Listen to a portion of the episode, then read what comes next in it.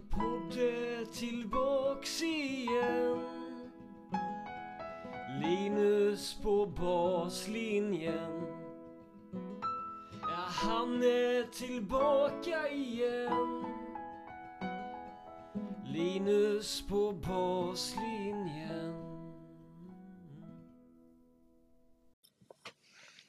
Stort tack till mina partnerklubbar som blir fler och fler.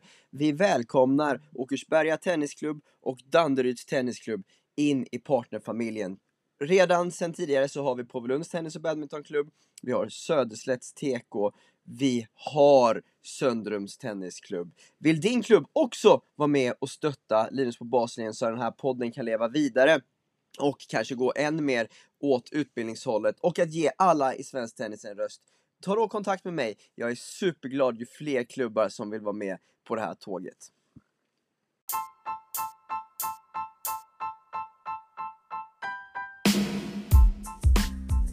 Ett nytt avsnitt av Linus på baslinjen podcast är precis vad du har slagit på. Idag tillsammans med Maria Lindström, född 63, rankad 87 i världen i singel och 44 i dubbel som bäst. Idag driver Maria Add an Attitude där hon hjälper människor att arbeta med sina mindset, både som idrottare eller ute i vardagslivet.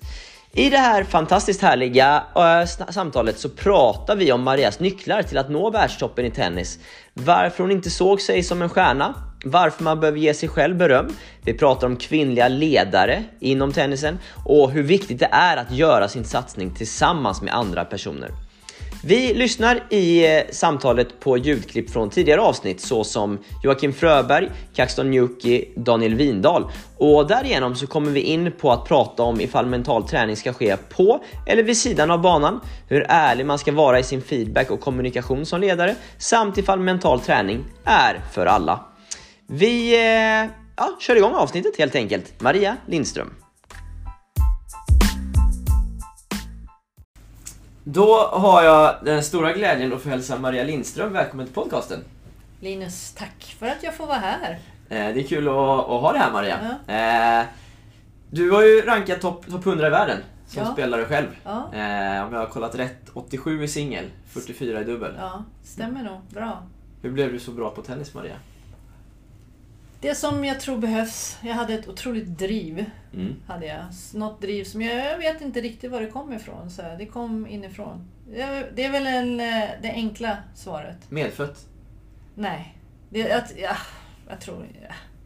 Det, om man säger medfött så blir det ju så här att ja, men, de som inte just nu kanske har det här drivet, då kan de aldrig komma till driv. Och då är det precis som, ja det är medfött så då, då har inte jag det. Ja, då skiter jag i det. Nej. Så att, nej, det är inte medfött. Men... För, nej. Nej, okej. Men miljön formade någon form av drivkraft då kanske? Som uppväxtmiljön då, eller vad, vad tror du? Alltså min eget driv, var kom det ifrån? Ibland så tänker jag så här, för det, det var ju såna här saker som, i, i för sig, det handlar mycket om också vilka man har omkring sig. Jag hade en bra coach. Mm. Och bra coach, Lennart Eriksson, var han på grund av att han var stenhård. Mhm. Och jag vet inte... Nu kanske han inte hade... Jag vet inte vad han hade varit i världen liksom, om han hade startat nu, för han var ganska hård. Men jag tror att det skapade liksom basen för dem som körde runt honom. Och då var vi, vi var ganska unga. Mm. Eh, Jag vet inte, vi, jag kanske började med honom runt 12-13. Och han, det, var liksom, det var disciplin, det var mycket, mycket fokus på rörelse. Mm. Och mycket fokus. Han var orienterare och vi, ibland så stack vi bara ut, rakt ut i skogen och bara sprang, du vet. Och, och det blev någon slags, eh, det blev någon slags, eh, vad ska man säga? Ja men det här behöver man. Ja. För att om du ska bli något. Liksom, det var inga så här att nu ska vi sitta här och så ska vi diskutera vad vi ska göra för att vi ska bli bra. Nej. Ut, ut med det. Vad fan håller du på med? Enkelt låter det. Nej men det var väldigt enkelt Ja. för han, och för han hade liksom, men, men han var ju stenhård för det var många spelare efter som Ja. inte orkade med honom. Nej. Men jag blev så van i och med att Ja. jag föddes med honom höll jag på att säga. Just det. Är, är det ett ledarskap som du eh, tror på då? Generellt? Inte, jag, skulle, jag skulle säga en balans mellan mellan det och också någonting lite mjukare. Mm. Om man får säga. Ja. För han... eh, Jag, man måste ha den där disciplinen, den där hårdheten som du redan vet och som många vet. Mm. Och sen så är det säkert några som inte vet vad det är. Alltså, det är ju precis som alla andra ord i, i livet. Vad är respekt? Det betyder en sak för dig, Just det, precis. en sak för mig. Så att Ja. man måste nog diskutera vad hårdhet är, vad driv är och förklara det då. Men när jag till exempel, jag står ju på banan en del också. Och när jag möter eh, unga människor så kanske jag frågar så här, vad vill du? Men jag blir jävligt bra. Mm. Och då blir det ju så här att jag tror, som många har, har ett öga för vad innebär det då? Inte bara så här äh, fysiskt, vad ska jag göra rent, äh, hur många timmar ska jag träna utanför tennisen, hur många timmar ska jag träna, träna på banan? Utan också någon sak som jag då lärde mig, och nu kommer det tillbaks till Lennart. Mm. Ja. Nej, men det som jag lärde mig av Lennart, att det handlar om noggrannhet på banan. Mm. Man kan säga kvalitet. Men det handlar ju om en noggrannhet som jag tror alla tränare har inte det ögat heller för att är det här noggrant? Just det. För att man vet, om man har spelat också, så vet man att där släpper den där killen eller tjejen. Mm. För att han eller hon, jag vet inte, blir uttråkad, inte orkar, du vet, släpper för tidigt. Mm. Och Mm. den där noggrannheten, dag ut och dag in, det är den som jag tror saknas hos många. Just det. För ibland så träffar jag folk som säger så ah, men jag vill bli jäkligt bra. Ja. Och sen så ser man dem, inte liksom tekniskt för det, eller fysiskt och så, för det, det ska de hela tiden bli bättre på. Men man ser också att noggrannheten finns inte där. Nej. Och det är den som jag tänker så här. Varför inte? Nej. Det finns ju ingen anledning att inte vara noggrann. Nej. Precis. Se till att du är noggrann först och sen så om du inte orkar hela timmen, men var noggrann då hela, hela tiden tills du inte orkar längre. Är, är det noggrannhet och eh, den här liksom inre motivationen som är viktigast för att bli topp 100 skulle du säga? Eller vad är det mer som kommer in där i den resan?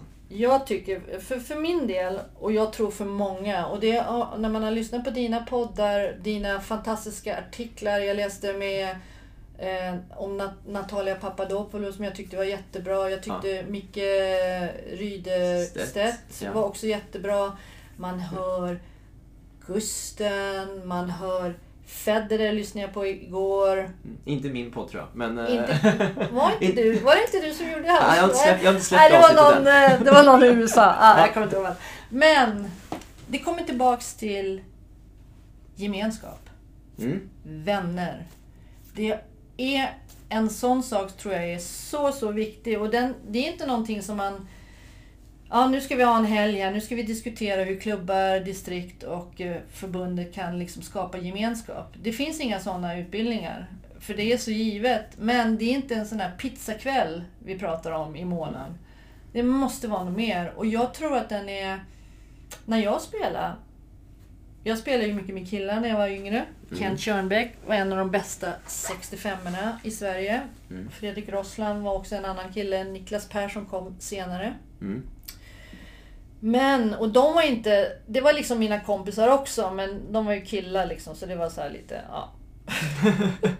Ja. Men sen att komma ut och spela både runt Stockholm och i Sverige och möta mina kompisar. Mm. Det var ett sånt jävla driv runt det också. Så, så viktigt. Och jag tror att, att vi måste liksom skapa de där plattformarna. Ja. Alltså vi måste nästan jobba för det. Att det. För det blir automatiskt självklart i klubbar och i, på, när man åker ut på träningsläger och sådär. Men vi måste liksom... Vi måste, vi måste, måste vara mer noga med det, för den blir så viktig. Men pratar du om team då på något sätt och vis eller? Team, jättegärna team. Mm. Jättegärna team. Men också så här äh, mellan klubbarna. Att, man, att det inte bara är klubben som... Och, och det vet jag, det här sker ju redan i klubbar. Mm. Men att det blir mer att, att också att kanske föräldrar förstår Mm. att, att även... För vi har olika personligheter också. Vissa, vissa ungdomar, barn, är ju lite mera, jag vet inte, introverter eller vad man vill Mm. säga. Men att vi måste liksom hjälpa dem då i så fall att, att få det här. För om man ska bli bra, Mm. ibland åker man ju ut själv. Man måste ha... Man måste ha Mm. ett, alltså det är så jävla ensamt annars. Och, Ja, så är det. som Na- Natalia och, och Micke också berättar, liksom, det, det, det kanske Ja. inte är ensamt just när man är 13-14 men sen så det, de där teamen, de där gemenskaperna, de ska ju följa med upp. Ja, precis. När jag gjorde den serien där med, med spelare som eh, nästan slog igenom, om man får Ja. säga så. Då var ju det något som var nästan genomgående hos majoriteten av de intervjuerna. Att de i, i en fas när de skulle ta nästa steg så, så var de ganska ensamma. De saknade den där hjälpen eller den där personen som brydde sig lite extra eh, med sig. Eh, så, så det är nog superviktigt, eh, verkligen. Ja men det är superviktigt. Det är inte nog superviktigt. Det är superviktigt. Och ibland så kan det kanske vara bättre så här att om man åker ut ett gäng då Mm. och så, så har man lite mindre, ska man säga, tenniscoaching. Men att man i varje fall får åka ut och man är det här gänget. Ja, exakt, exakt. För det blir så, det är så en viktig dimension att också skapa de där connections mellan de här spelarna. Mm. Och vi är ett sånt litet land och det... Jag pratade med Katarina Lindqvist här om, för någon månad sedan, hon var hemma i Sverige.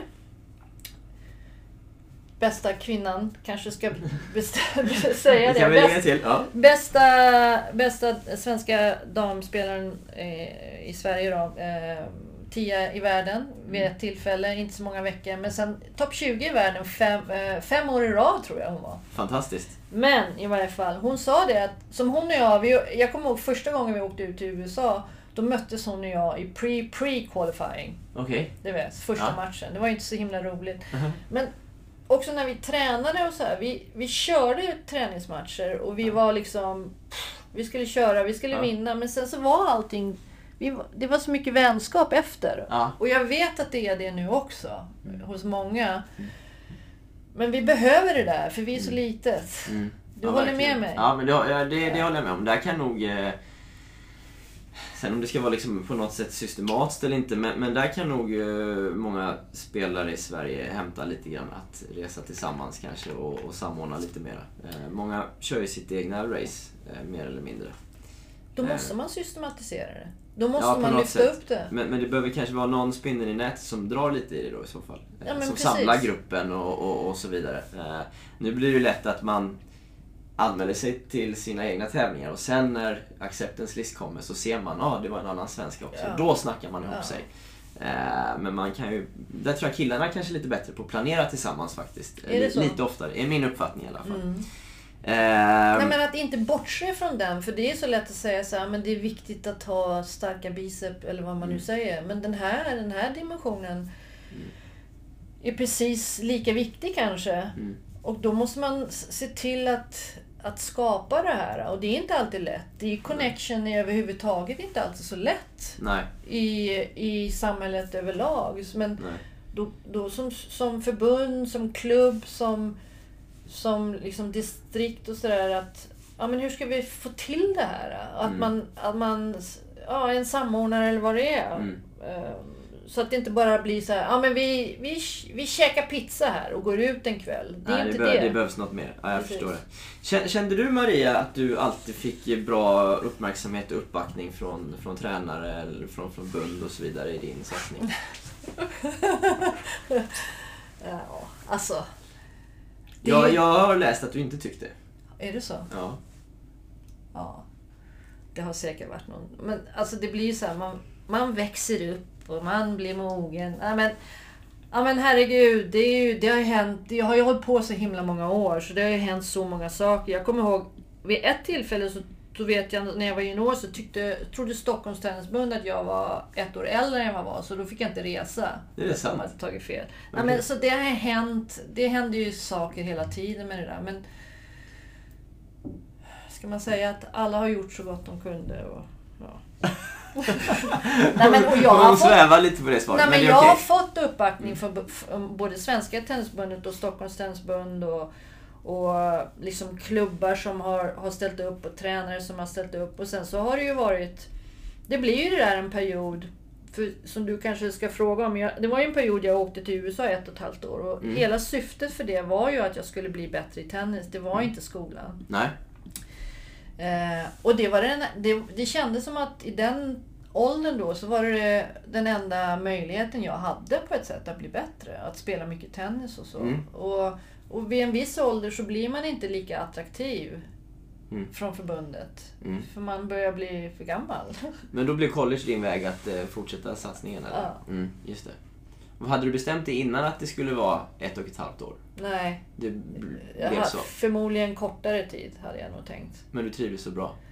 Ja, jag hade en jättebra coach Mm. och det kanske var det som var det här som du frågade. Hade, hade jag, som Lennart då, när hans disciplin, hårda stil. Mm. Eh, när jag kom till college så hade jag en coach som hette Mary Nyholm. Inte speciellt, ska man säga, tekniskt kunnig. Kunde Mm. tennis liksom. Men en otrolig, lite grann som Nick Bollettieri som precis har gått bort.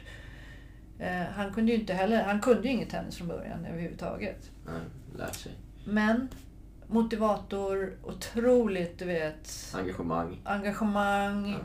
Jag spelar etta i laget så jag var ju lite goddest Mm. i, i, la- i, liksom, i den lilla community som det var också i Monroe, Louisiana.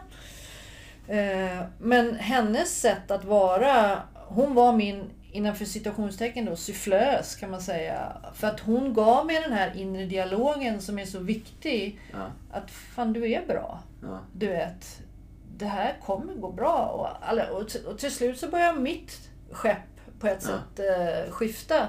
just det. Att eh, jag var otroligt disciplinerad, tränade i min värld. Mm. Och jag har sagt det här högt ut när Lennart har hört nu på äldre dagar och han sa Ja men jag tyckte att jag tränade jävligt hårt när jag var ung. Mm. Och han har hört det och han säger så här, han, han skickar någon mail till mig, han bor i Schweiz nu och så här, Jaha, så du, så du tycker, du tycker att du tränade hårt var-" fortfarande, Han är fortfarande på mig. Du kommer inte undan. Ja, det är Nej. underbart. Nej men hon Eh. då, hon var mycket mer så här äh, motivator, Mm. positiv.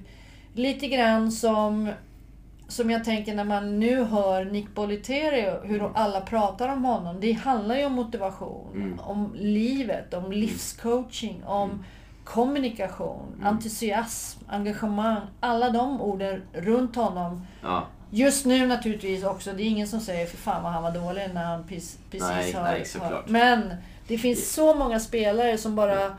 Det är det som lyfts fram. jag har en känsla, utan att ha någon aning, att det är det Muratoglu är bra på också. Eh, Ja. Det är runt omkring där. Men Maria, du, du, du var ju som sagt topp 100 både singel och dubbel. Så, såg du dig som en uh, världsspelare? Nej, det gjorde jag inte. Du gjorde inte det? Nej, det gjorde jag inte. Eh, det Men Topp hade 100 är ju ändå otroligt högt. definitivt och... eh, eh, nej, jag gjorde inte det. Och det hade... Hade någon hjälpt mig med det då, då hade jag tro, förmodligen blivit bättre. Den här sista självförtroende Ja, men liksom att... För jag kommer ihåg så här, och det här är nästan lite sorgligt så här. Jag, när jag, det var ju, jag spelade ju professionell tennis i 11 år så jag reste ju extremt mycket. Mycket flyg, man satte sig på flyget. Lite var så att jag inte hade lust att prata så mycket när jag satt bredvid folk. Nej. Men det var så här, men vad, vad gör du liksom? Och jag, jag sa aldrig så här, men jag är professionell tennisspelare, jag åker runt här i hela, Ja. hela världen. Så jag, men jag var bara så här, ja, nej men du vet. Jag vet inte. Ja, jag, jag jag förstår. Ja. Och det hade lite med att jag inte ville prata med folk, Nej. ibland. Så kan det vara. Men det var också att jag... Ja, men... Jag skulle, ha växt, jag skulle ha växt in i de kläderna bättre. Att det här är fan bra. Men är du stolt idag? Definitivt. Ja. Men då, och det här, det är ju någonting också som... Som faktiskt nu... Det var inte du då som hade podden med Federer, men som jag lyssnade på igår. Ja. Som han säger också att det är alltid så... Det, och, det, och det moduset var jag också i. Det är så här, what's next liksom. Mm. Vad är näx- nästa steg? Och det har man lärt sig också lite grann. Att man ska inte vara så jävla nöjd utan man ska direkt på det. Ja. Och han sa ju också så här, men fan man måste njuta lite av det här. Ja. Och det är fan bra att vara topp 100. Ja. Och inte tro då, och det här gör många idrottare idag också, så här, man, man tror att man, man säger så här, fan det är bra, 87 i världen, det är fan bra. Att man gör det där och då. Nej, då ska man, ah, det är inget bra, nu ska man gå vidare. För om man gör att man säger så här, ah, men det här var fan bra, då blir det Ja. mer, nej men nu är hon nöjd. Ja, Hon, jag vill, förstår. hon vill nog inget mer i sin tennis. Just det, det gäller att läsa av det rätt. Eller vad, vad man egentligen Ja. lägger i, i det man säger då. Ja, men bara för att man Många tror att ja, men utåt sett, men kanske till och med åt, in, inåt, alltså hur jag tänker är att när jag säger att det här var fan bra, Ja. Då tror folk att jag är nöjd. Och därför vill jag aldrig säga att jag, jag tycker att det är bra. Man måste få berömma sig själv ibland. Ja, kanske ska vi prata mer om det, men det är for sure att man måste berömma sig själv. Gör man det för lite tycker du eller? Definitivt, på grund av den anledningen. Mm. Och eh, på grund av andra anledningar. Ja, berätta. Jag ska ta lite vatten. Ja. Får man i den här podden? ja, det får man göra. Eh, Men det där vill jag höra mer om. Jag tycker... Alltså det är en av de sakerna när det gäller... För nu, som du också säkert kommer komma in på, så jobbar jag ju med mindset för Ja. eh, idrottare som vill liksom bli bättre i sin idrott. Mm. Och också ta, ta den till en annan nivå. Och en av de sakerna som, som är, som är liksom så, så, så himla allmänt att man vet att man ska ge sig själv beröm på ett sätt. Och man Ja. vet att man ska vara positiv. Och den blir så jävla svår för de flesta. Mm. Mm. Och nu, eh, nu när man pratar lite mer, man börjar prata mycket mer om, ska jag prata lite grann om det? Ja, gör det. Ja, nej, men man, man pratar lite mer om så att ge sig själv beröm. Mm. Varför det är så viktigt också. Och när det gäller dopamin som har blivit mer och mer i, ska man säga, eh, ja, jag vet inte, trendigt. Jag Ja, vet inte om det är ja. trendigt. Men, Ja, det är men lite jag Ja, men det är en molekyl i vår kropp. En av många som ger liksom en sån här må bra-känsla. Och det är en substans i vår kropp som vi kan få pikar på. Till exempel när vi gör, vi tar en chokladbit, peak, dopamin. Vi, gör, vi tar en Netflix eller vi tittar på mobilen. Vi får ett peak, peak. sms. Sms, peak, peak, peak. Ja. Och grejen är det att pikarna är inte bra för oss. Okej? För det blir en peak på dopamin som... Och vad vi vill ha i förhållande till dopamin, det är vi vill ha en bas. Vi vill ha en bra baseline som, som eh, i vår kropp. Och vi har att, att på ett sätt att systemet har dopamin. Mm. Pikarna gör förenklat, och det här kan man lyssna på en kille som heter Andrew Huberman som har en jättefantastisk po- podd som går ner i detalj Mm. på mycket innanför vetenskap, biologi i kroppen. Okej. Som kan det här mycket mer i detalj, som Mm. vi inte ska prata om heller. Men när man pikar då på dopamin så, så vill man bara ha mer. Ja. Det är som en, eh, ett beroende. Ja. Och det, nu finns det ju till och med så här äh, dopaminpeaks äh, avvänjningskliniker höll jag på att säga. Är det sant? Ja, definitivt. Det talas om. och, och det är mycket i förhållande till mobiler Ah, ja. och internet och så. För där är det, jät- det är pikarnas mästare, mobilen. Ja, ja men, det, men det, det kan jag känna igen. Men då kommer det så här, vad är det man vill då? Tillbaks till det. Jo, man vill ha en baseline på dopamin. Man vill höja den. Ja. Så då vill man inte ha så mycket pikar. Man vill vara mer jämn i... Yes. Ja. Och hur får man då baselinen att höjas? Och det är att ge sig själv beröm för, inte vinsten naturligtvis, eh, natur, naturligtvis ja, Mm. utan insatsen. Just det. Och det här har du och många hört tidigare. Men för mig så när det blir så här väldigt kopplat till dopamin och det som vi har biologiskt i vår kropp Mm. så blir det en extra, ska man säga, en extra vikt vid att det är fasen så här. Ja, Du ja. vet det som Carol Dweck, som några av de här, som några säkert har läst, eh, Fixed eller Growth Mindset som hon pratar om, handlar ju om mödan, Mm. efforten, Mm. insatsen. Mm. Och att man under liksom dag, det här är inte månader vi pratar om, men ut, under en dag, att man ser till att man creddar sig själv för sin insats på massa olika sätt. Och det här är en inre uppmärksamhet. Så att jag brukar säga så här, ibland, säg att man tränar hårt och så man kör tio armhävningar. Och så kan man faktiskt försöka credda sig själv medan man håller på med, med armhävningarna. Mm. Jag är, när jag har kört armhävningar förut, och så, åh, måtte det bara vara klart. Liksom. Så här. Och sen när det är klart så är det bara, ah, ah, ja. Ja. Men att man gör det med- medan man håller på. Men berömmer du dig under dagarna då? Definitivt. Ja. Du har jobbat på det? Ja, jag jobbar på det. Inte jobbat, jag jobbar. Nej men definitivt. Ja, Och det kan vara små skitsaker som är viktigt för dig. Det Ja, inget- det kan vara olika från person till person. Det förstår jag. Eh, vad, vad som... Eh, Ja. ja. Men definitivt då om man ska bli bra i tennis. För då, Mm. säg att det är det där som jag började prata om. Så här, att man...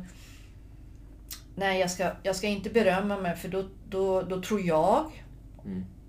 att jag har nöjt mig och jag vill inte träna hårt. Eller så tror någon annan att jag är nöjd och, jag, och att jag inte är seriös med min idrott. Mm. Så därför så gör jag inte det. Och då blir det så, det blir så bakvänt att Jo, du måste berömma dig och du ska berömma dig så in i helskotta mycket. Mm. Varför då? Jo, för du vill ha upp din baseline av dopamin. För då Mm. blir det så mycket lättare när du inte får ditt resultat. För det kommer komma dåliga resultat. När det inte är en bra dag, då blir det så mycket lättare. För du har mer tillgänglighet Mm. av receptorerna. Mm. Alltså de här ska man säga, cellerna som säger så här, Jaha, är det dopamin eller är det bara skit? eh, Vad det nu är. det. Ja.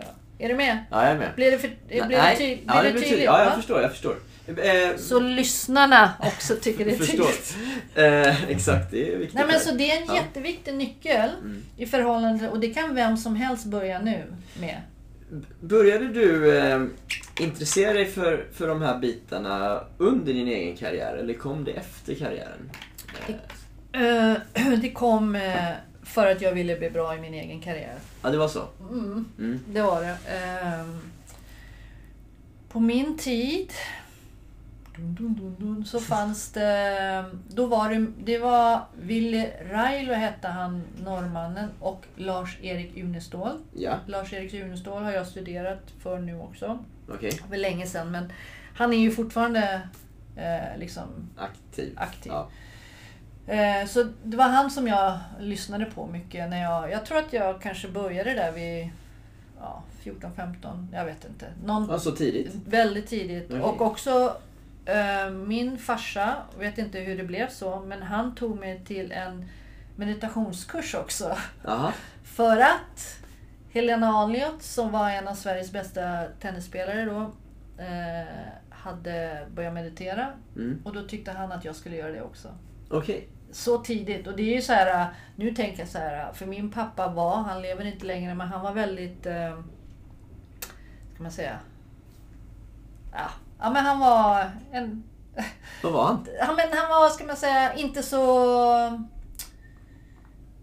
experimentell. Alltså han, att, att han tog mig till en meditationsklass, Det var en det var lite så här, lite Oväntat. oväntat. Ja, Mm. okej. Men jättebra. Ja, ja. Så jag var så här nöjd nu efterhand. Eh, Är det en bra ålder att börja jobba med mentala bitar? 14-15? Eh, jag brukar säga så här att vem som helst, inte vem som helst, men jag jobbar faktiskt med människor som är väldigt unga, så unga som 11 år. Mm. Då har jag ett samarbete oftast med föräldern. För att det som är när man jobbar med de här grejerna, det är ju att man behöver ha påminnelser och man Mm. behöver ha en, ett momentum liksom att ha den här uppmärksamheten. Mm. Och oftast då när man är lite äldre, men inte nödvändigtvis lite äldre, så har man den för man har också, ska man säga, anlitat mig, att man Just vill det. Ja. Men eh, kanske för tio år sedan så var jag mycket mer så här att ja men här får du ett verktyg och sen så liksom så jobbar du med det här för det är ju du som vill bli bra. Mm. Men nu är det mycket mer att jag håller en person i handen mycket längre för att man behöver den här eh, in, man behöver integrera grejer och då Mm. behöver man hjälp med det. Eh, när jag jobbar med väldigt unga människor då så, så får också, har jag ett samarbete med föräldern som också eh, hjälper till och, och integrera det hela. Och, men det kan vara enkla saker för unga människor. Det, det är liksom ett annat språk för en 11-åring och en 16-åring naturligtvis. Eller en vuxen person. Så Mm. att, Mm. men jag tycker att också introducera att det här är en del av det hela. Precis som fys och... Precis som allt annat. Liksom. Så, att, så att det inte blir så här, jaha. Precis. Ja, men jag är helt med.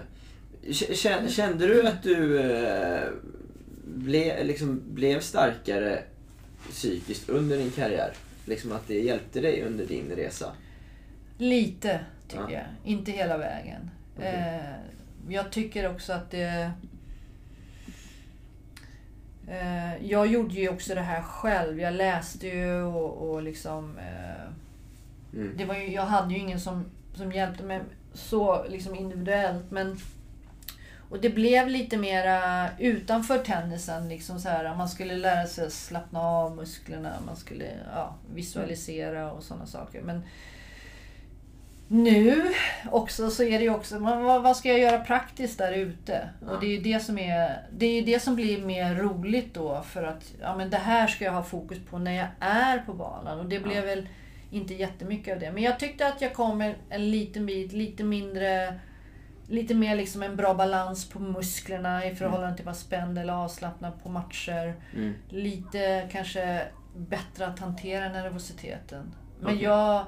Men som vi sa i början där att, att också att växa in i en eh, kostym Mm.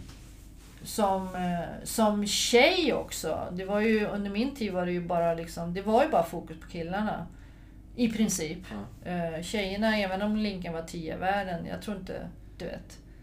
Det var inte så jävla spännande. Alltså, Nej. jag hårdrar det lite grann. Men, så att jag behövde också hjälp att växa in i den kostymen. Det hade jag Ja. önskat. Eh, för, för det var, det var okej. Ja. ja, Men det kunde ha blivit bättre. jag förstår. Ja. Var det självklart för dig att börja coacha sen eller? Eh, ja, jag tror det på ett sätt. Inte, nej, alltså det var inte så här, nu ska jag börja coacha efter. Det, efter min egen karriär så, så, så åt jag ju lite, alltså coacha, eh, att coacha mindset var inte självklart. Nej. Att coacha tennis var på ett sätt självklart, för det gjorde jag också efter. Jag åkte Ja. lite med både förbund och klubb och så. Men, men inte mindset. Men det kom. Jag vet inte exakt hur det blev så. Det blev inte bara... Det blev idrott med en gång efter med mer grupper, Mm. föreläsningar. Mm. Sen så blev det eh, mer andra individer Okej, eh, utanför idrotten. jag förstår. För idag driver du ju Add Attitude eh, och, och du jobbar både mot idrottare men, men eh, du, det, du är också livscoach kallar, kallar vi det. Ber- Kallar, kallar du det? Kallar jag det? Ja. Berätta, vad är, vad är, liksom, vad är en livscoach? Ja. Eller vad, vad är Add Attitude överlag? Kan du förklara? Jag kan säga så här, jag jobbar även eh, utanför idrotten. Men Ja. inte så mycket, utan det är mest idrotten. Men jag Mm. har andra individer och då är, det, då är det livet och då kan man ju kalla det som en livscoach. Ja, Eh, Men jag, jag kallar mig faktiskt inte livscoach. okej. Ja, Nej. då var det jag som gjorde det. Ja, nej, men, och det är helt okej för det handlar ju om det också. Det är Ja. ju... eh, Det är mindset i vardagen då, eller, eller hur var... Nej men folk, det... Alltså du vet... Svåra frågor nu. Nej, det är det inte. Alltså, man, man, man kan säga så här att, att människor har universella problem. Ja, Det är inte så att det dyker upp nya problem hos... Alltså, så för nu har jag coachat och jag tror att jag har coachat människor nästan i 20 år. ja, Och det är inte så här att det blir, ah, den där har jag aldrig hört förut. Utan det är liksom samma, samma problem. Man, man, man kan ha dåligt självförtroende. ja, Det kan man ha på banan, men man kan också ha det utanför just det. dålig självkänsla på Ja. eller utanför. Så det blir nycklarna och problematiken blir lite same same på Mm. och på utanför. Idrotten är ju så fantastisk på det sättet att både fantastisk och brutal, Mm. att det visar sig väldigt tydligt. Ja, Ja. Inte bara i resultaten utan på tennisbanan kan det ju visa sig att ja, jag vågar fan inte slå till den här bollen. exakt. Ja, och då ser alla det. Jag står på scen och så ser alla det Ja, innan, in, innanför livet så blir det mer subtila saker. Men folk, folk märker så här, men så här kan jag ju inte ha det. Nej, Eller att de är stressade. Eller att de inte har någon lust. Inget engagemang, ingen, inget, inget driv i sitt liv. Det Nej. kan, vara, det kan vara vad som helst. just det. Jag är med. Det är spännande ju. Men, men när du har, hållit på i 20 år då och så säger du att många saker liksom, eller återkommer. Mhm. Är det alltid samma nycklar till lösningen då? Eller är det individuellt utifrån varje individ?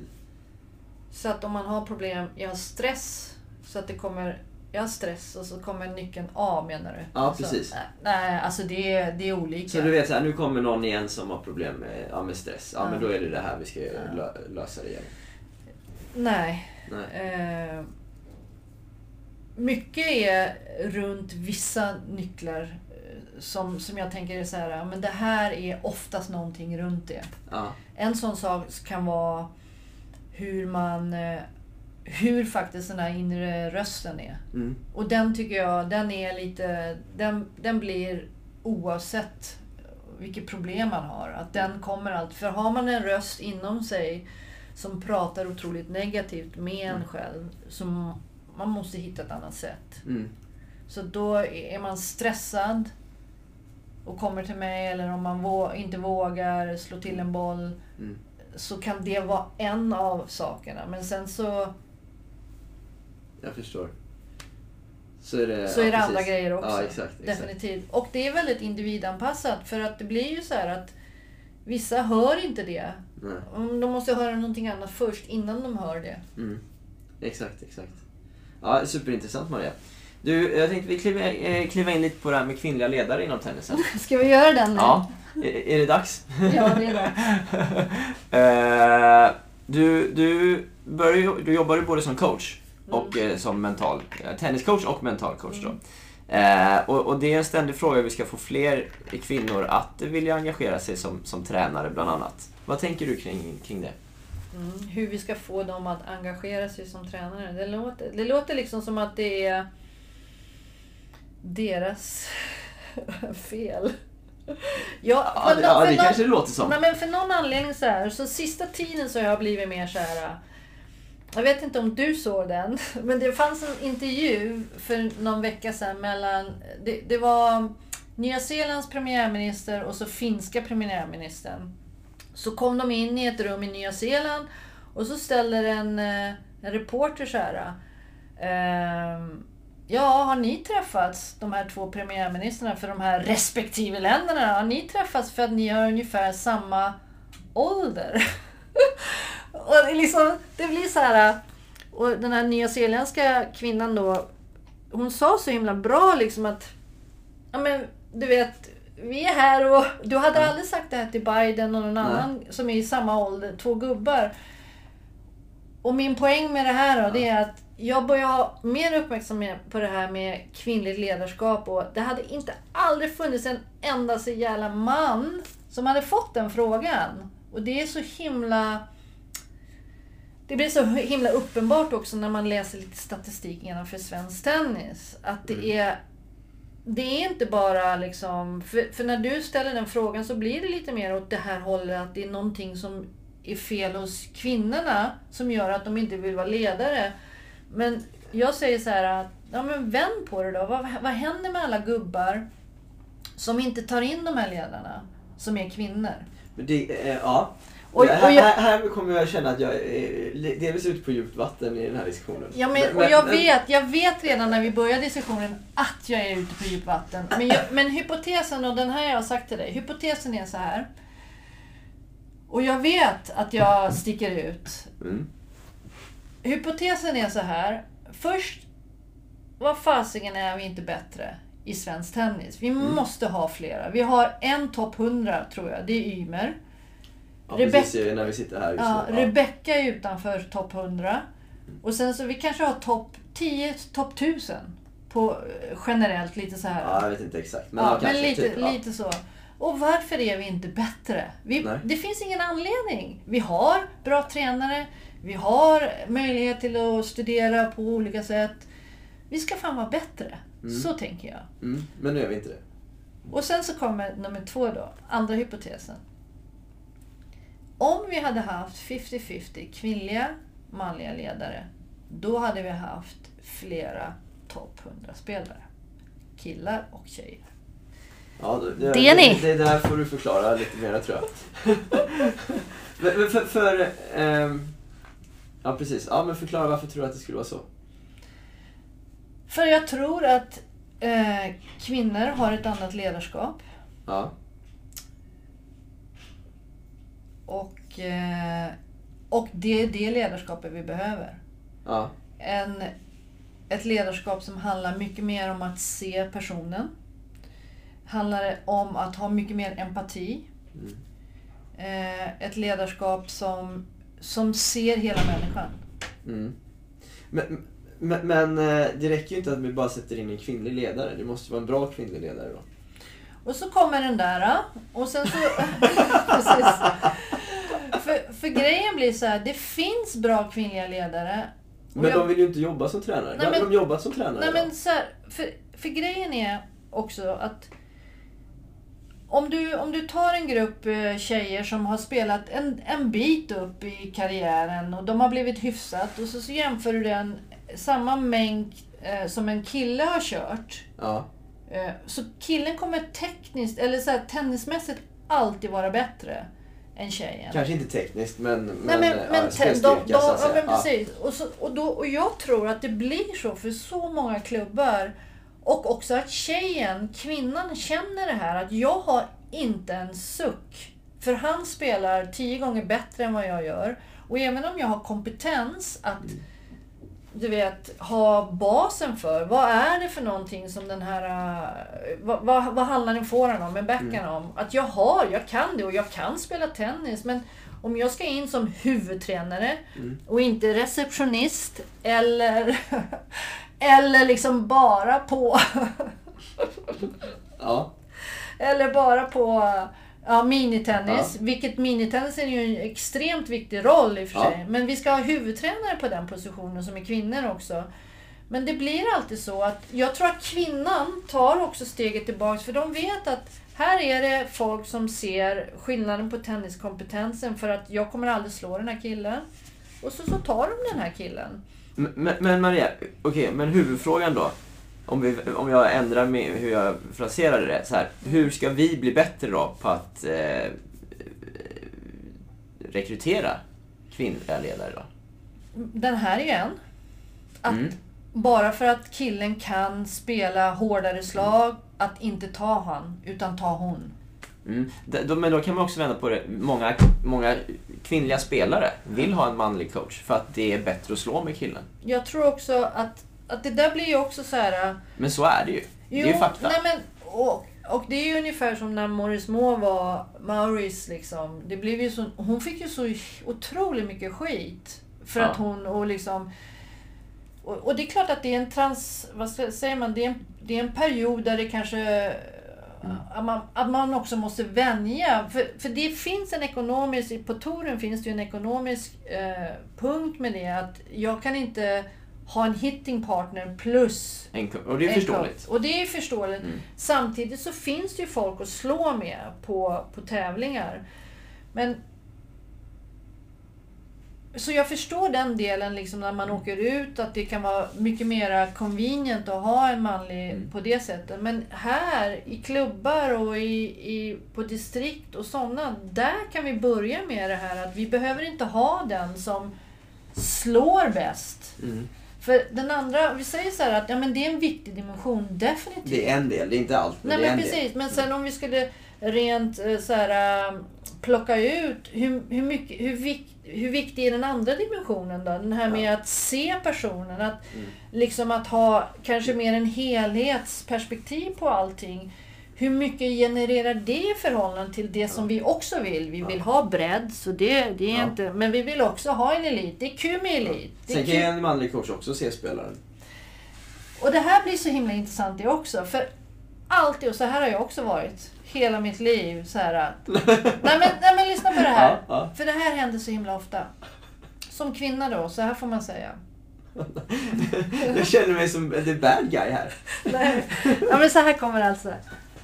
Eh, nej, men 50% kvinnliga ledare, 50% manliga ledare. Då kommer vi ha, eh, inom fem, fem år, kommer vi ha 10 topp 100-spelare på dam. Fem år är naivt. Men om du ändrar till tio så köper Vi jag tar det. tio. Ja. Eh, Jaha, varför då, då? Jo, för kvinnor eh, är mycket bättre ledare. Så här. Ja, men män då? Och så får man alltid säga så här. Men det finns också jättemånga bra män. Det får man alltid lägga till. Och det är ju så här, Linus, Ja. Linus, Linus, Linus. Det är självklart. Mm. Det är självklart. Ja. Det handlar om en kvalitet Mm. som är ska man säga, mer Mer kvinnor har den kvaliteten. Och det kommer faktiskt kvinnor som säger också så här, när man säger sådana här saker, så säger mm. Nej men jag har haft kvinnor som har varit väldigt dåliga. och det finns det också. Det är Ja, inte men det. förstår. Men du förstår, det här Ja. handlar om ett, ett Men- kvinnligt perspektiv. Det, eller det handlar om en kvalitet Mm. som är förknippad med den kvinnliga energin, om vi säger så. Som Ja. vi måste ha in mycket, mycket mer innanför tennisen. Mm. Och jag håller med. Det finns massa, massa bra män som gör det också. Nu fick jag säga, jag sa, jag sa att det här, jag ska inte säga det, men det var det Linus. så. Ja. Du vet så här, jag, jag har ju fått eh, kommentarer om varför jag har så stor övervikt vid män som gäster i den här podden till exempel. Men, men det beror också på att kvinnorna i, alltså det är så otroligt högre procent som inte svarar eller tackar nej till att vara med också. Mhm, varför Ja, tackar de nej? Ja, det kan, det kan man undra. Men, men då kan jag tänka så här att, ja nu kommer jag få otroligt mycket skit för det här såklart, bland annat från dig. Men så här, kvinnor kanske inte är lika intresserade. Av vad då? Ja, men av att eh, liksom eh, av, av just tränarsysslan. Det kanske inte finns det intresset för att vara trä, tränare. Ska jag ta ett annat exempel? Ja, gör det. Gärna. Ja, det, det, det, kör. Du får ingen skit av mig Linus. Jag gillar dig och det är ingen skit. Och jag tycker det här är en öppen diskussion. Jag Ja. hoppas att lyssnarna också inte kontaktar mig och säger vad fan. för det, alltså det här är mer så här, det måste, det måste hända någonting Mm. också. För det finns så mycket bra resurser. Men nu kommer inte jag ihåg vad hans, hennes namn är. Nej. Men det var en, eh, en VD på ICA. Aha. Kanske har hört om den här. Men, och det var några år sedan, jag kommer inte ihåg vad han heter. Men han var en han och Mm. han blev en hon. Jaha. Har du hört talas om det? Nej, Jag kommer inte ihåg just den här storyn, men, Men- jag har hört talas om Men att... den här personen då. Han var ju då VD. Alltså han var högsta hönset. Mm. Nu kommer inte jag ihåg namnet och vi kanske Nej, kan... Men sant. det spelar ingen roll. Men sen så blev... Han ändrade kön. Det här var ju en jättelång process. Och sen nu då, Mm. när han är kvinna, fortfarande VD. Sånt, han märker det så här. Sånt annat bemötande. Det, det är inte så att han, för folk vet ju inte nu att han har bytt Nej. kön, så det är inte det som är själva grejen. Nej. Men just bemötandet Ja. av en VD som är kvinna i jämförelse med en VD som är man, för honom är jättestort. Och då blir det ju också det här det blir så många subtila saker som man inte lägger märke till. Som Nej. sker automatiskt. Varför Mm. till exempel en kvinna kanske inte tackar ja till saker. För det finns saker. En sak som jag till exempel är jättetrött på att höra när det gäller män och kvinnor. Eller kvinnlig rank- tennisranking och, och manlig tennisranking. Eller svensk tennis. Det är så här, ja, ett tag så var det ju både Johanna och Rebecca var topp 100 och så gick det åt helvete för svensk tennis. För det är bara fokus på man. man alltså vissa Är det så fortfarande då? Definitivt. Vissa journalister är där fortfarande och också på, på, på Facebook och sociala medier är så här. Ja men eh, tänk på den här, så här på 80-talet då hade vi de här spelen, 90-talet. Och så är det bara herrar. Det händer så ofta. Men min poäng då tillbaks till ICA-killen. Som man så ser man inte det så, så mycket. Men som kvinna så ser man det. Att, ja, men, och du vet, och det är ingen som uppmärksammar till exempel ja, men, eh, 80-talet, eh, ö, de här killarna. Nej. Det var ju enormt. Killarna var ju Ja. helt fantastiska. Det handlar ju inte om det. Nej. Men det fanns så många topp 100 på damsidan. Men det är ingen som skriver om dem. Nej jag, jag, jag förstår vad du menar. Men okej, men Maria, konkret då? Vad behöver vi göra då? Ja men det är en sak för, för klubbarna att när, de, när det blir det här att eh, ja, men han har, har mycket bättre eh, spelstandard. För det Mm. kommer han alltid ha. Mm. När man tar in någon, att, att man kan se att det finns någon kvalitet som inte bara handlar om spelkvalitet, som blir viktigare för oss som klubb. Mm. Att, liksom att man ändrar det synsättet. Eh, Men naturligtvis, så, det är inte någon som kanske är bäst på pingis som ska in. Utan man ska fortfarande kunna tennisen. Man måste ju kunna liksom eh, Mm. Förmågorna som, som behövs. Ja. Så det är den ena. Jag tror... Gud vad jag har exempel här. Jag, Kör på något till. Ja. Tänkte på Lisa Nilsson, eh, sångerskan. För ett tag har det varit väldigt mycket så här med kvotering. Ska man Ja. kvotera in saker? Och liksom, de flesta kvinnorna är nog mer också så här, nej, inte alls. För det, ju, det handlar ju om kompetens. Mm. Eh, Åsa Hedin, ordförande. Mm. Det är ju fantastiskt! Nej, men det är ju fantastiskt att det är en kvinna på den positionen. Nu, jag märker att trådarna går åt alla håll. Nej, det går bra. Men jag går tillbaka till Lisa Nilsson. Ja. Eh, och, och då pratade de om kvotering då för Lisa Ja. Nilsson. Men hon säger så här att ja, men jag, har, jag har alltid tänkt på att man ska inte kvotera utan det ska vara de som är, liksom är, är, är bäst så här. Ja.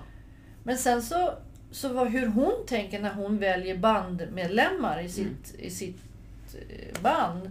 Så blir det ju den här klicken runt liksom. Mm. Ja men jag känner Kalle, Olle och Petter och det är ju, det är ju män. Mm. I musikindustrin är det ju också män som är gitarrister eller trummor. Eller, Ja. Men det finns kvinnor. De kanske är färre just nu och det finns. Men då är, du, då är du för någon form av kvotering? Ja, det är jag. Nu är jag det! Åh herregud. Ja. Så in Eh. med dem! Ja. In med dem, för, det, för det, annars så kommer vi aldrig skifta Men- men- det här. Vi kommer aldrig skifta tänket att ja, men jag tar min kompis här. Men, men om vi ska kvotera in kvinnliga tränare, Mm. då, då är det inte spelaren i centrum. För då är ju kanske inte den bästa tränaren som står på banan. Nej men alltså det ska inte vara någon som inte, alltså det kan inte, alltså kvoter, det är inte så här, Lisa Nilsson kan ju inte ha någon som har spelat gitarr i en, en vecka. Det är ju inte det vi pratar om. Nej. Men det är ju det att det finns, om vi tittar lite grann där. Ja. För det finns tjejer som är bra tjejer och kvinnor som har tackat nej till tennisen. Precis för, för det här som ICA-killen har upptäckt för att han har varit man. Mm. Ja. Och sen så är han kvinna. Ja. Och då märker han hur folk ser på en. Som, som män, som bara har varit män, som de flesta 99,99 procenten är. ja. Kommer inte upptäcka det för de har, de har varit i det skinnet hela tiden. Så att, så att det handlar mer så här att ja, vi, måste bara, vi måste bara få till det på något annat sätt. Och det har inte funkat. För grejen är det. Jag såg faktiskt en annons från Svenska Tennisförbundet här Mm. i Aftonbladet. Jag tror att det var en annons till och med. Kan det ha varit. Nej, men liksom, och det är inte att, att tracka ner så, men liksom det, är- det, ser nästan, det är samma diskussioner som man hade om, om kvinnliga ledare för fan 20-30 år sedan när Margareta Bönström var Mm. För upp till kamp. Alltså det blir Ja. ju lite mer så här, det, och det är så sorgligt att det behöver... Känner sig nästan som en feminism för att man, man, man säger de här sakerna. Men Ja, det låter lite same same. Mm. Vi, måste, vi kan inte låta precis på samma sätt för då blir det ingen förändring här. Nej, jag. Och jag säger, min hypotes är när vi får in mer kvinnor så blir vi bättre. Mm. Det kan vi bli. Men det vet vi ju inte än. Det är en hypotes. Ja, det, ja, det köper jag. Eh, Maria, vi ska faktiskt gå vidare och lyssna på ett eh, litet ljudklipp här. Men innan vi gör det så vill jag passa på att tacka min sponsor House of Bontin, destinationen för smarta träningsverktyg för tennis och paddel. Om ni inte har gjort det än, gå in på houseofbontin.se, surfa runt, leta efter just de verktygen eller de redskapen eller tillbehören för tennis och paddel som du behöver. Och sen använder ni rabattkoden LINUS så har ni 15% på hela sortimentet förutom på slingerbag eller redan nedsatta priser. Stort tack House of Bontin! Eh, när man liksom vill, vill jobba med de här bitarna då av den ja, mentala styrkan så här, Mm. eh, gör man det vid sidan av banan eller gör man det på banan när man tränar tennis samtidigt? Jag tänker att man gör det hela tiden. Okej. Jag tänker varje gång du, du någonting händer i ditt liv som du inte förväntar dig. Mm. Som du inte förväntade dig så, så har du en chans att träna någonting. Mm. Eh, det, det, jag tror att eh, och när man får in det, den, att- den inställningen till att du kan faktiskt träna det du gör på tennisbanan kan du träna när som helst. Mm. Mm. Eh, för att ett problem är alltid ett problem.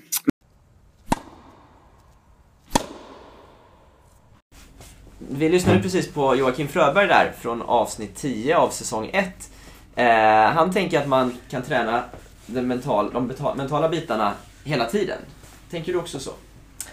Det, ehm, alltså, På och utanför det- banan? Nej men ja, på och utanför banan definitivt. Och, och, Alltså man är ju hela tiden mental. Det kan man Mm. ju säga att eh, vi som människor, vi har ju vi håller på med i, i vårt huvud. Sen så när det gäller eh, mental träning, mindset-träning för tennisspelare. Som när jag... Om jag ger ett verktyg, säg att någon har en obalans på någonting, så ger jag ett verktyg. Så det verktyget som den personen jobbar med Mm. är bra om man kan träna både på banan och utanför banan. För grejen är ju också den att man är ju oftast utanför banan. Eh, så då för att det ska bli ett momentum så snabbt som möjligt på banan som sen ska leda till att jag spelar bättre på match. För det är det det här handlar om. Att, Mm. att, man, att man vill spela bättre på match. Eh, då är det bra att, att ha det både, både på Mm. och, och utanför. Men kanske frågan handlar om också att, för som jag började säga så ibland så handlar mental träning om, för vissa liksom, till exempel att eh, man ska få en bra avslappning i musklerna. Då är Mm. det väldigt mycket kopplat till idrott, men Mm. man ska göra det utanför. Men för mig, det intressanta är ju när man hittar verktyg som man kan göra när man är där. Så att man har vissa verktyg, som den här träningen ska jag jobba på det här verktyget Mm. i förhållande till mindset på banan. På den här matchen ska jag ha uppmärksamhet på det här verktyget. Mm. Kanske på två verktyg. Eh, under den här matchen. Så det blir jätteviktigt att, att det blir kopplat till idrotten. Annars så blir det... Det blir inte, det blir inte roligt liksom. Men Nej. Vissa verktyg är också att jag behöver sitta ner som ett verktyg som jag tycker är jätteviktigt i förhållande till mindset. För mindset, mental träning, är ett superbrett ämne. Mm. Superbred definition. Eh, Men för att eh, till exempel ett, ett av, som är jätteviktigt det är att se till att vilken, vad, vilken karaktär behöver jag vara för att spela bra tennis. Mm. Och det kanske jag måste sätta mig utanför tennisbanan och fundera på. Vad är det för, vad är det för tillstånd jag vill ha här ute? Mm. som jag, som jag spelar bäst i. För Mm. alla, det är inte alla som behöver vara mer avslappnade. Det är inte alla som behöver vara mer taggade. Eller Mm. lugna eller vad det nu är. För jag behöver hitta, vad är det jag ska bli bra på? Mm. Och det kan man behöva sitta och fundera på ett Ja. tag utanför. Just det, precis. Bland annat. Eh, upplever du att eh, liksom, den generella tennistränaren har, har kunskapen av att ge de här nycklarna till spelarna när det gäller de mentala? Eller behövs det, nu pratar du lite egen sak, men behövs det en mental eh, coach vid sidan av också?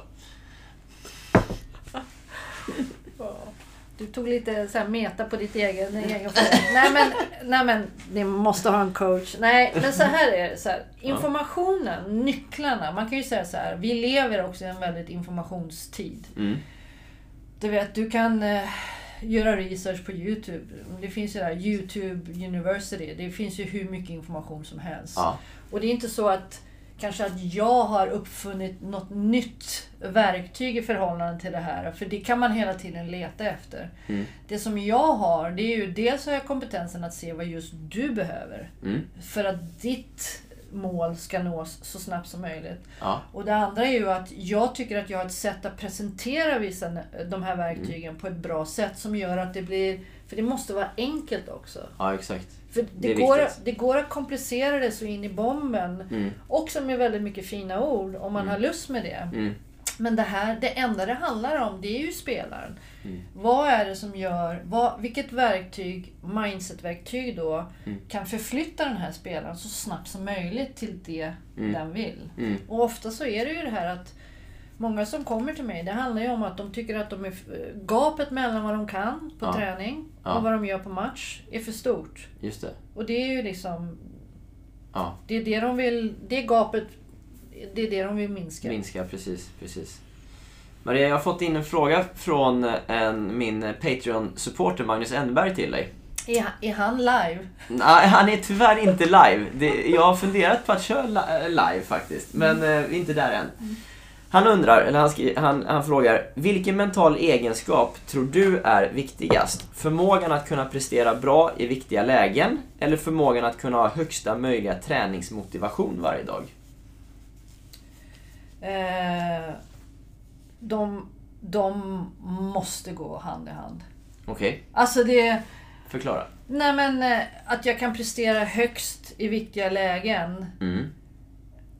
För att också komma dit, både fysiskt och också mentalt. För mental träning handlar ju också om att träna ju upp det. Mm. De, jag måste ligga på en hög nivå. Alltså. Just det. Men, men sä, säg det ner. Alltså, vad, vad förmågan på? att prestera bra i viktiga lägen Ja. eller förmågan att kunna ha högsta möjliga träningsmotivation varje dag. Det är en, eh, alltså det är bå- båda, alltså båda behövs ju. Ja, och det är Alltså- en så här, definition också, så här, högsta motivation. Men säg att jag har jättehög motivation Mm. och aldrig kan prestera på, på en hög nivå. Då når du inte särskilt långt. Det spelar ingen roll då. Nej. Så då blir det ju den första, men det Ja. blir ju väldigt... För, för kan du prestera bra i viktiga lägen Ja. men inte ha så hög träningsmotivation så kan du fortfarande nå en bit. Ja, men, men om du inte har samtidigt då, om du inte har en hög träningsmotivation innebär att du kanske inte blir så fysiskt stark heller. Nej. Och då, och då kommer du prestera högt på, di- på en högsta nivå. Men den högsta nivån är ganska låg. För att du har inte kunnat träna så mycket för att du inte har haft motivation. Du når ju aldrig ända fram. Nej. Så. Så det, det Eh. blir ju så här... äh, Men om du, är, om du har en hög träningsmotivation och blir jätte, jättebra så kanske du aldrig hamnar att vissa bollar är så viktiga. För du är så överlägsen. Nej, Nej, så, så kan man inte säga. Vad, vad, vad, vad, har de, vad har de statistiskt gjort så här att den som är etta i världen, två i världen, vinner vadå? 55% Ja, av exakt. Ja, bollarna? något sånt. 53. Ja, exakt, exakt. Eh, jag har en till fråga Maria. Från Per Nordström. Är du med? Ja. Eh, på frågan om vem som helst kan nå Grand Slam-nivå finns det många olika svar. Många pratar om, att det, eh, pratar om det genetiska och att ha stöttande föräldrar, bra upplägg och så vidare. Anser du istället att med rätt självbild, motivation, målbild och attityd kan vem som helst nå Grand Slam-nivå? Ja, ja, jag anser att med rätt motivation och inga pengar så når man Grand Slam. Ja, jag skojar lite. Nej men alltså det är ju eh, motivation, mindset Mm. är en del av det hela. För att nå dit det är ju en eh, krass verklighet det här också. Du Mm. måste till exempel ha stålar. Ja. Och hur man får stålarna, det är ju lite olika. Mm. Jag vet att jag, när jag, jag var ju tvungen att åka till USA Mm. ett och ett halvt år. För jag hade inte stålar. Sen så Nej. fick jag en sponsor Ja, som skulle ge mig stålar, men jag skulle betala tillbaks. okej. Ja. Det var mitt sätt att få stålar. Så, Ja. Men man måste ha stålar för att nå Grand Slam. Ja, Det går inte att komma ifrån. Sen behöver man gemenskap, just det. som jag sa också. Mm, mm. Man behöver trygghet. Just det, just det. Allt det här är viktigare än det genetiska. Genetik. Mm. Hur lång tid har vi? Ja, precis. Nej men också, också, det finns en kille som heter Bruce Lipton som pratar om genetik. Att Mm. Genetiken och det här, och jag kan inte allt om det här heller, men det finns något som heter epigenetics. Okej. Och det handlar ju om till och med att våran perception, Ja. och det här kommer säkert, för det finns så himla mycket så här, ja men någon vetenskapsman har sagt så här och någon Ja. annan har sagt så här. Men det finns de som säger, Bruce Lipton är en av dem, som säger så här att vi kan till och med med vår perception skifta vår genetik. Mhm. Men oavsett om man tror på det eller inte, när man också nu kanske går tillbaka och tittar på Bruce Lipton och hur han förklarar det på cellnivå. Mm. Så, det här med genetik, jag gillar inte det. Mm. För det blir så, dels så blir det, och det här pratar ju Carol Dweck jättemycket om i sin bok. Mm. Det blir så det blir, så, det blir så rigidt stack i ett fack. Ja. Och det är det som hon också har gjort eh, research på jättemycket. Mm. Att bara för hjärnan, man kan ju utveckla hjärnan. Och så, naturligtvis, det finns, en get, det, det finns genetiska komponenter i förhållande till en del saker. Mm. Nu vet inte jag procenten vad Bruce Lipton pratar om. Men den är absolut inte så hög som vi tror att den är. Nej. Men det, det hämmar folk. Både den som är bra Ja. och den som är dålig på vissa saker innanför situationstecken. När man pratar genetik, DNA, Mm. gener och sånt. Så jag... Jag pratar inte där. Jag Nej. tycker inte vi ska prata. Det finns naturligtvis, det finns karma också. Mm. Som vi kan gå in på. Nej, det ska vi inte göra. Eh, vi ska ta ett till ljudklipp, eh, Maria, med Kaxton Nyuki från avsnitt 52, säsong 1. Jag tycker många gånger att vi säger inte riktigt som det är till spelarna. Det är lite så här, ah, du vet, det kommer. Det är bra jobbat. Ehm, men, men, men vadå? Mm. Alltså, Du, du, du tycker att man borde vara lite mer ärlig ibland, eller? Varför inte? Mm. För, för, alltså, att vara ärlig är väl det bästa man kan vara. Mm. För det handlar inte om att såra någon. Det handlar bara om att lägga korten på bordet. Mm. Du gör ett jättefint jobb, du är jätteduktig och, och, och, och så här ungefär ser din kurva ut.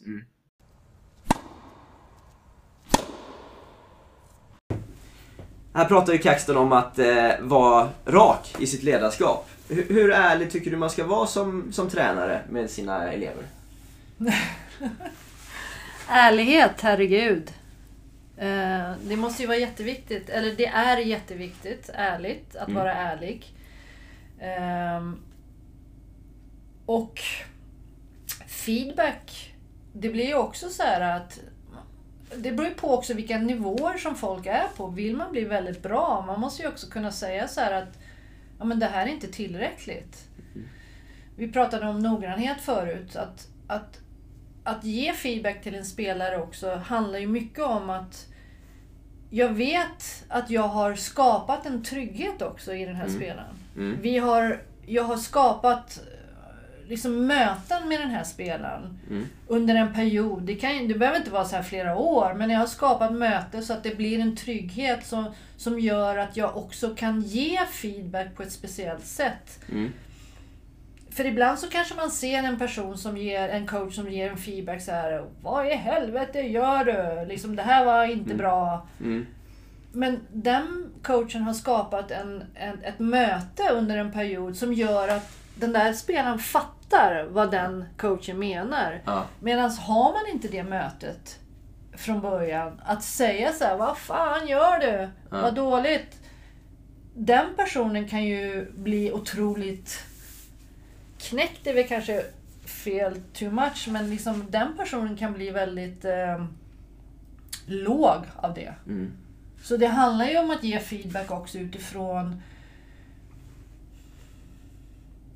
Alltså personen. Mm. Jag tycker inte man... Då ska Man- man känna sin spelare. Definitivt! Och man ska känna... Det är det, då kommer vi in på det kvinnliga ledarskapet. Here we go again. Nej, jag skojar. Nej. Ja. Men män är också bra. ja, exakt. Jag tänkte säga det.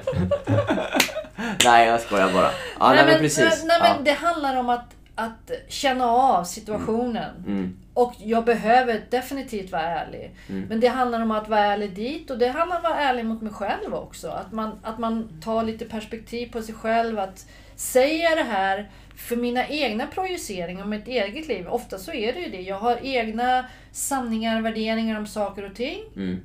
Och det projicerar jag ut till en annan person. Eller Ja. är det här den feedbacken som är liksom ja, för den här personen för att Ja. den ska ta nästa kliv till... Så det handlar om att ge bäst, eh, me- mest optimala feedbacken oavsett om det är att vara ra- rak eller inte rak. Eh, ärlig, inte ärlig. Alltså, Det som skapar bäst utveckling hos spelaren. ja... Ja, alltså... I vissa sammanhang... Alltså jag tänker på min son, han är sju år. Visst, visst kan man vara ärlig så här och säga så här... Buff, buff, buff. Mm. Men man kan säga buff, buff, buff på ett litet annat sätt som leder till samma sak. Mm. Men den där buff, buff, buff i det läget hade kanske inte lett till att jag kan leda honom vidare. Nej, precis. Så jag måste möta på ett sätt och sen så måste jag säga min ärlighet på ett sätt som leder den här personen i den riktningen. Och det är olika för olika personer. Ja. Men jag kan ju inte gå och säga till det här, du kommer... Jag kommer inte ihåg vad Kaxon sa men allting är bra, allting är toppen när det ser för jäkligt ut på tennisbanan. Det är ju det är inte dit vi ska... Det är inte att vara schysst på, på Och det är sätt. inte en feedback liksom, Nej, exakt. som exakt. är korrekt. Nej. Enligt mig. Heller. Feedback är ett jätteintressant ämne.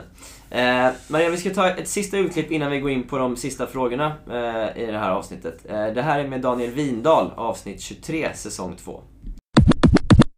jag, jag var så nere, jag var så negativ att jag ville nästan inte ha hjälp. Alltså förstår du?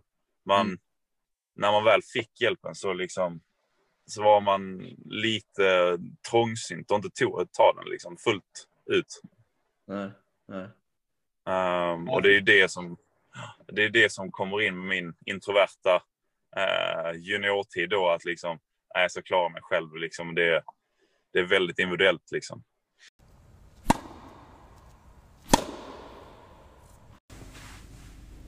Här pratar Daniel lite om att han kanske inte riktigt var mottaglig för, för hjälp under sin eh, juniortid som, som tennisspelare. Eh, är, liksom om vi pratar me- mental träning, är, är det för alla? Eller krävs det ett visst öppet sinne för att eh, spelaren ska kunna ta emot hjälpen? Vad, vad är din erfarenhet av det?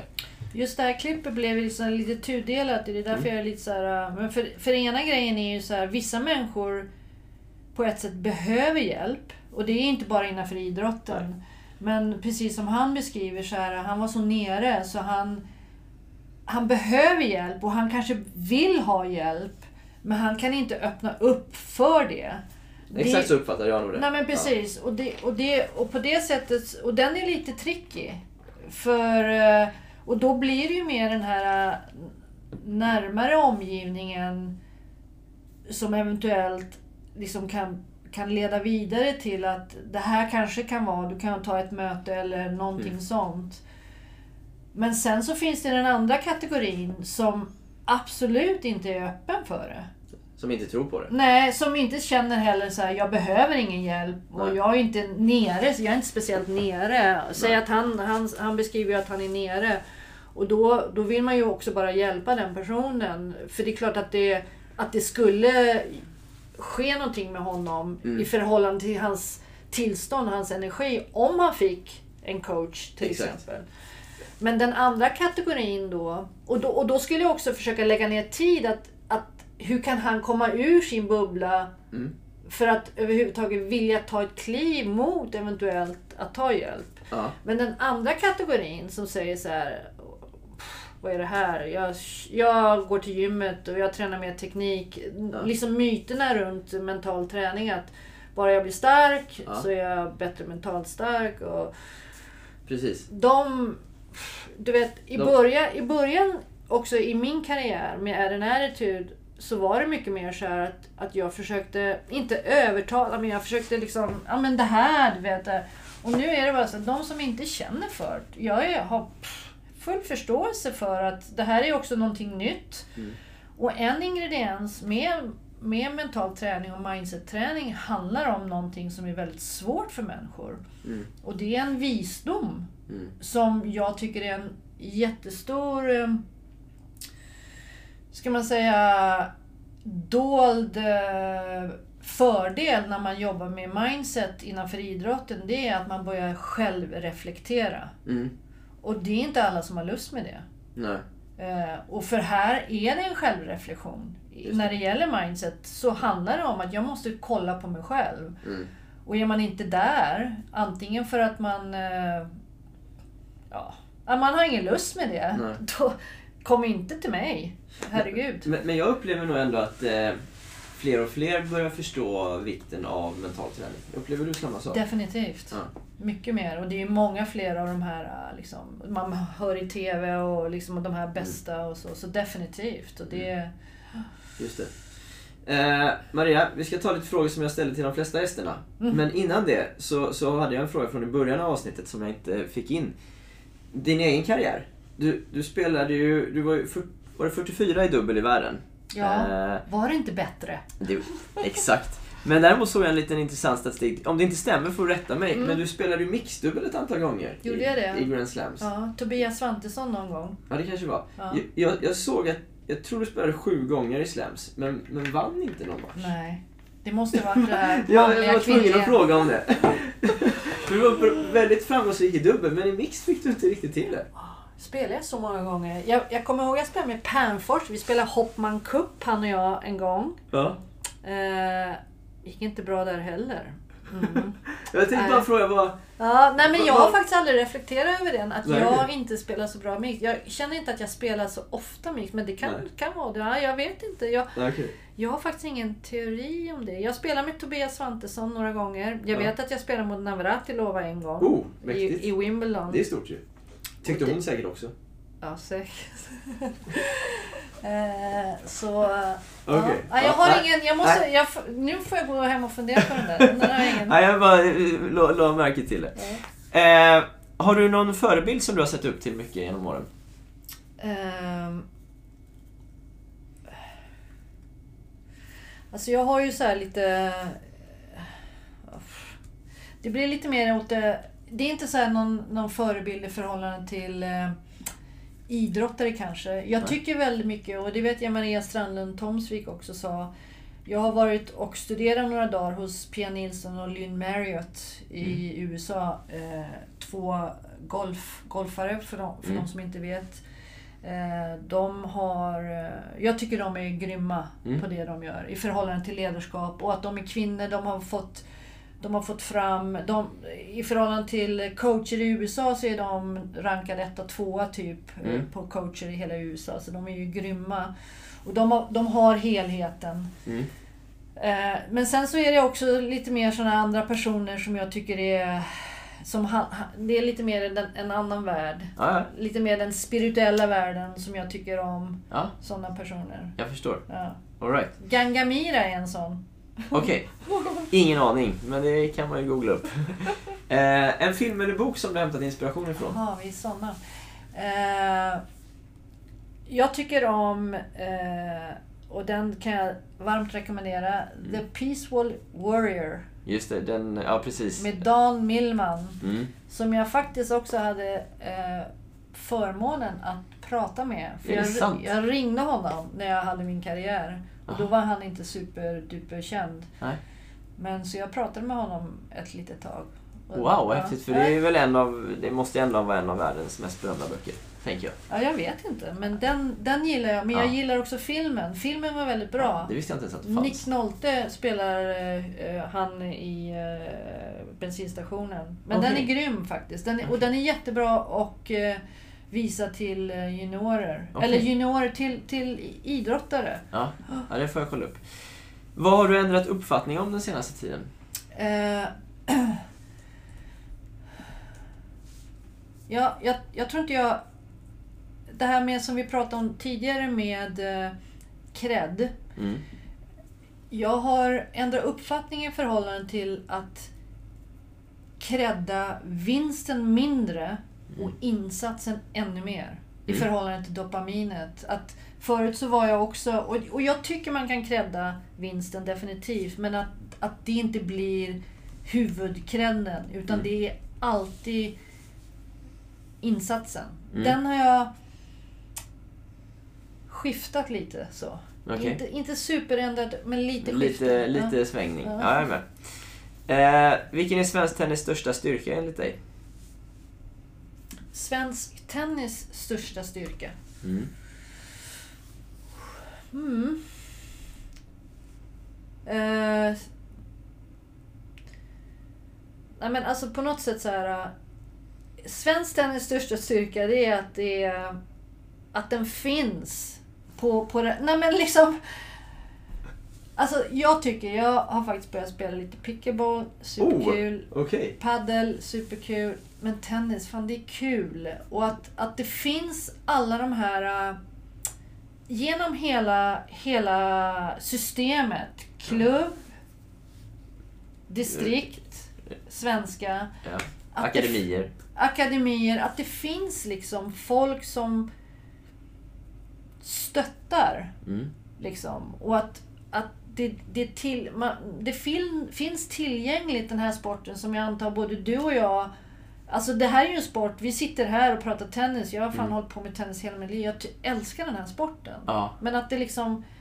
Att vi har ett system i svensk tennis som gör att Skulle, vi... då skulle jag kunna sticka in, har vi verkligen ett system? Men det Nej men vi har ändå ta. ett system. Här sitter vi på TSK Malmen och vi sitter i en klubb. Du vet, Ja, Ja. Nej, men jag förstår. Jag Ja. förstår. Men om vi vänder på det då. Svensk tennis största svaghet?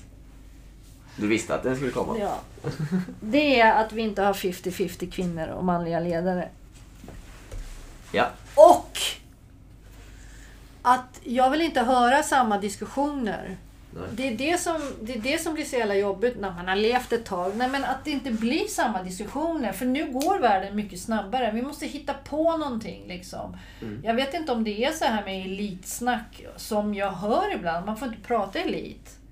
Nej, eh, ja den är lite känslig i alla fall. Vi ska, vi ska inte gå dit. Det är inte elit och inte karma idag. Men vi, vi vill ha elit. Det är kul Ja, med elit. absolut. Det är kul när det blir liksom rör på sig. Och Ja. vi ska ha bredd. Ja. Eh, Men så... Ja, det som jag... Det som är sämst är att det inte att, att det blir samma diskussioner. Till exempel när det gäller kvinnligt ledarskap innanför tennisen. Mm. Och jag vet att vi har en ordförande och det är så grymt att Mm. hon är kvinna. Men... Men är det viktigast att hon är grym eller att hon är kvinna? Au. Oj, oj, aj, aj, aj, hur gick det? Jag, jag slog mig nu i huvudet bara för jag orkar inte med diskussionen. Nej, men, Ja, men ja, det är en relevant fråga. ja men jag. det är både Ja. och. Vi, jag tycker den eh, metaforen med Lisa Nilsson blir så himla bra. Ja. Vi ska inte ha en gitarrist som inte kan spela gitarr. Hon kan sitt jobb, Mm. men sen är det också grymt att hon är kvinna. För det, det plogar vägar. Mm. Och det är ett annat ledarskap. Möjligtvis. Oftast. Inte alltid. Nej. Vad var frågan du ställde Nej, jag tycker du har svarat på den. Det Ja, jag kommer inte ens ihåg frågan. Nej, svensk tennis största svaghet. Men, men eh, det, där har du varit Nej men, tydlig. nej men och sen så en annan sak. Att, att det blir liksom att det...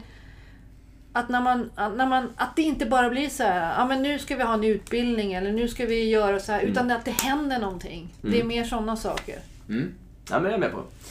Eh, vad är bortkastad tid enligt dig? Hmm. Gud, det är, en bra, det är en bra fråga. Tycker du alla andra har varit dåliga?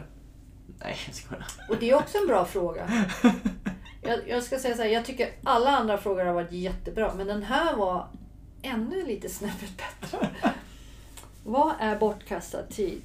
Jag skulle kunna säga så här att förut har det nog varit så här att vara, att vara oproduktiv i förhållande till det som jag liksom har, har sagt att jag ska göra. Men, men jag tror att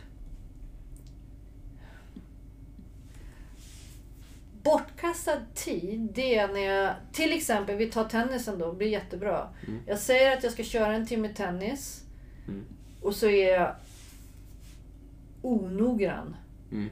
Inte att jag är på ja, en, en, vilken nivå det är, utan jag är onoggrann. Det vill säga, jag gör inte det max som jag kan av den situationen som jag befinner mig i. Mm. Det tycker jag är en bortkastad tid. Just det, precis. Blev det tydligt? Ja, det är tydligt. Ja, Ja, så att ja, Mm. noggrannheten och fokusen, även om... Säg att jag bara sover två timmar den dagen, att fokusen inte är... Liksom, jag är noggrann utifrån den kapaciteten jag har den dagen. Ja, exakt. Ja, men jag är helt med. Eh, två frågor kvar. Vad tror du på som du upplever att andra inte håller med dig om? Och, och, och nu kan du inte svara det här med att ja, det ska vara lika många kvinnor som män. För det, det, nu får du ta ett annat. Ja. Nej men precis. Tycker du att jag tjatar mycket om Nej, det tycker jag inte. Men du har varit tydlig med att du tycker det är viktigt. Ja. Mm. Och jag, jag ska vara tydlig också, jag slänger ut den lite grann för att kanske sätta igång något. Jag vet Ja, inte. men, det, men det gillar jag. Det är bra. Det är det Eh, forumet det är till Ja, i förhållande... Och det är inte så här att... eh,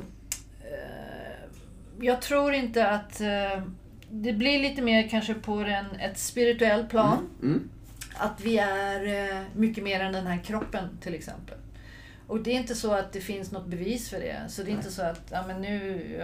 Det finns ingen åsikt så här att, Nej. men du har rätt och du har fel.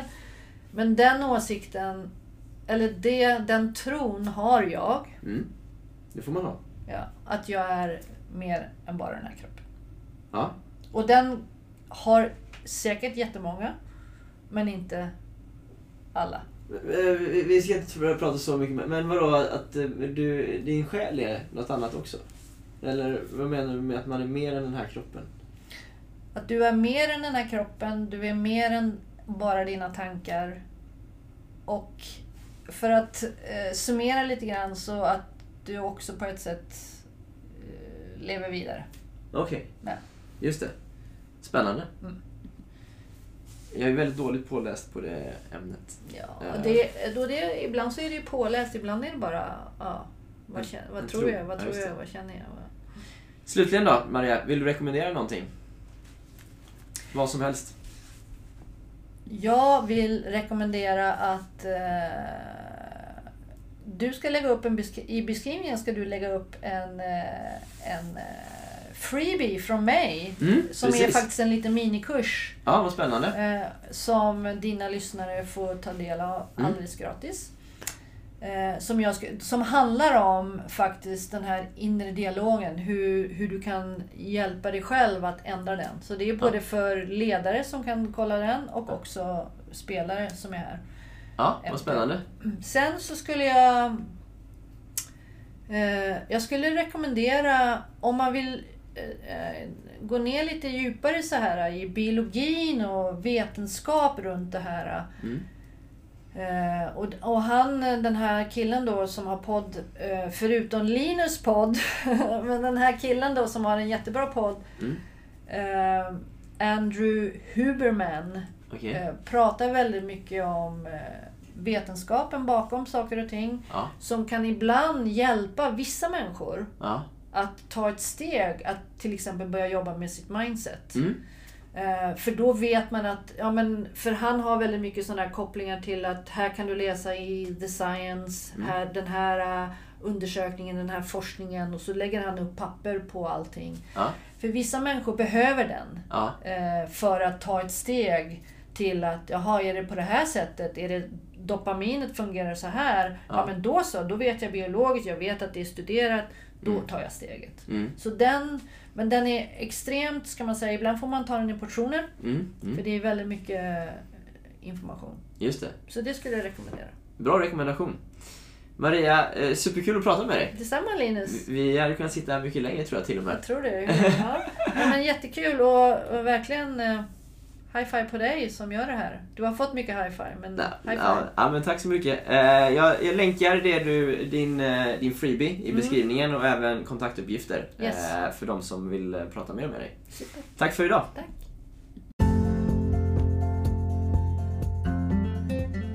Superkul att ha med Maria i avsnittet och eh, visst blev det eh, intressant eh, diskussion och snack om det här med kvinnliga ledare.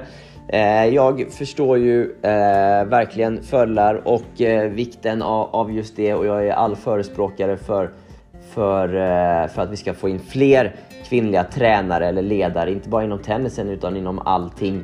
Eh, jag tror ju stenhårt på att bäst lämpad person ska vara på på varje plats oavsett kön. Det är eh, min eh, åsikt i den frågan. Eh, vill ni så precis som Maria berättade i slutet av avsnittet, i, kolla i avsnittsbeskrivningen så kan ni ta del av en exklusiv gratiskurs som eh, Maria delger oss och ni kan också hitta länkar för hur ni kan kontakta Maria för mer, eh, ja, för mer eh, snack helt enkelt. Tack så mycket för att ni lyssnade idag.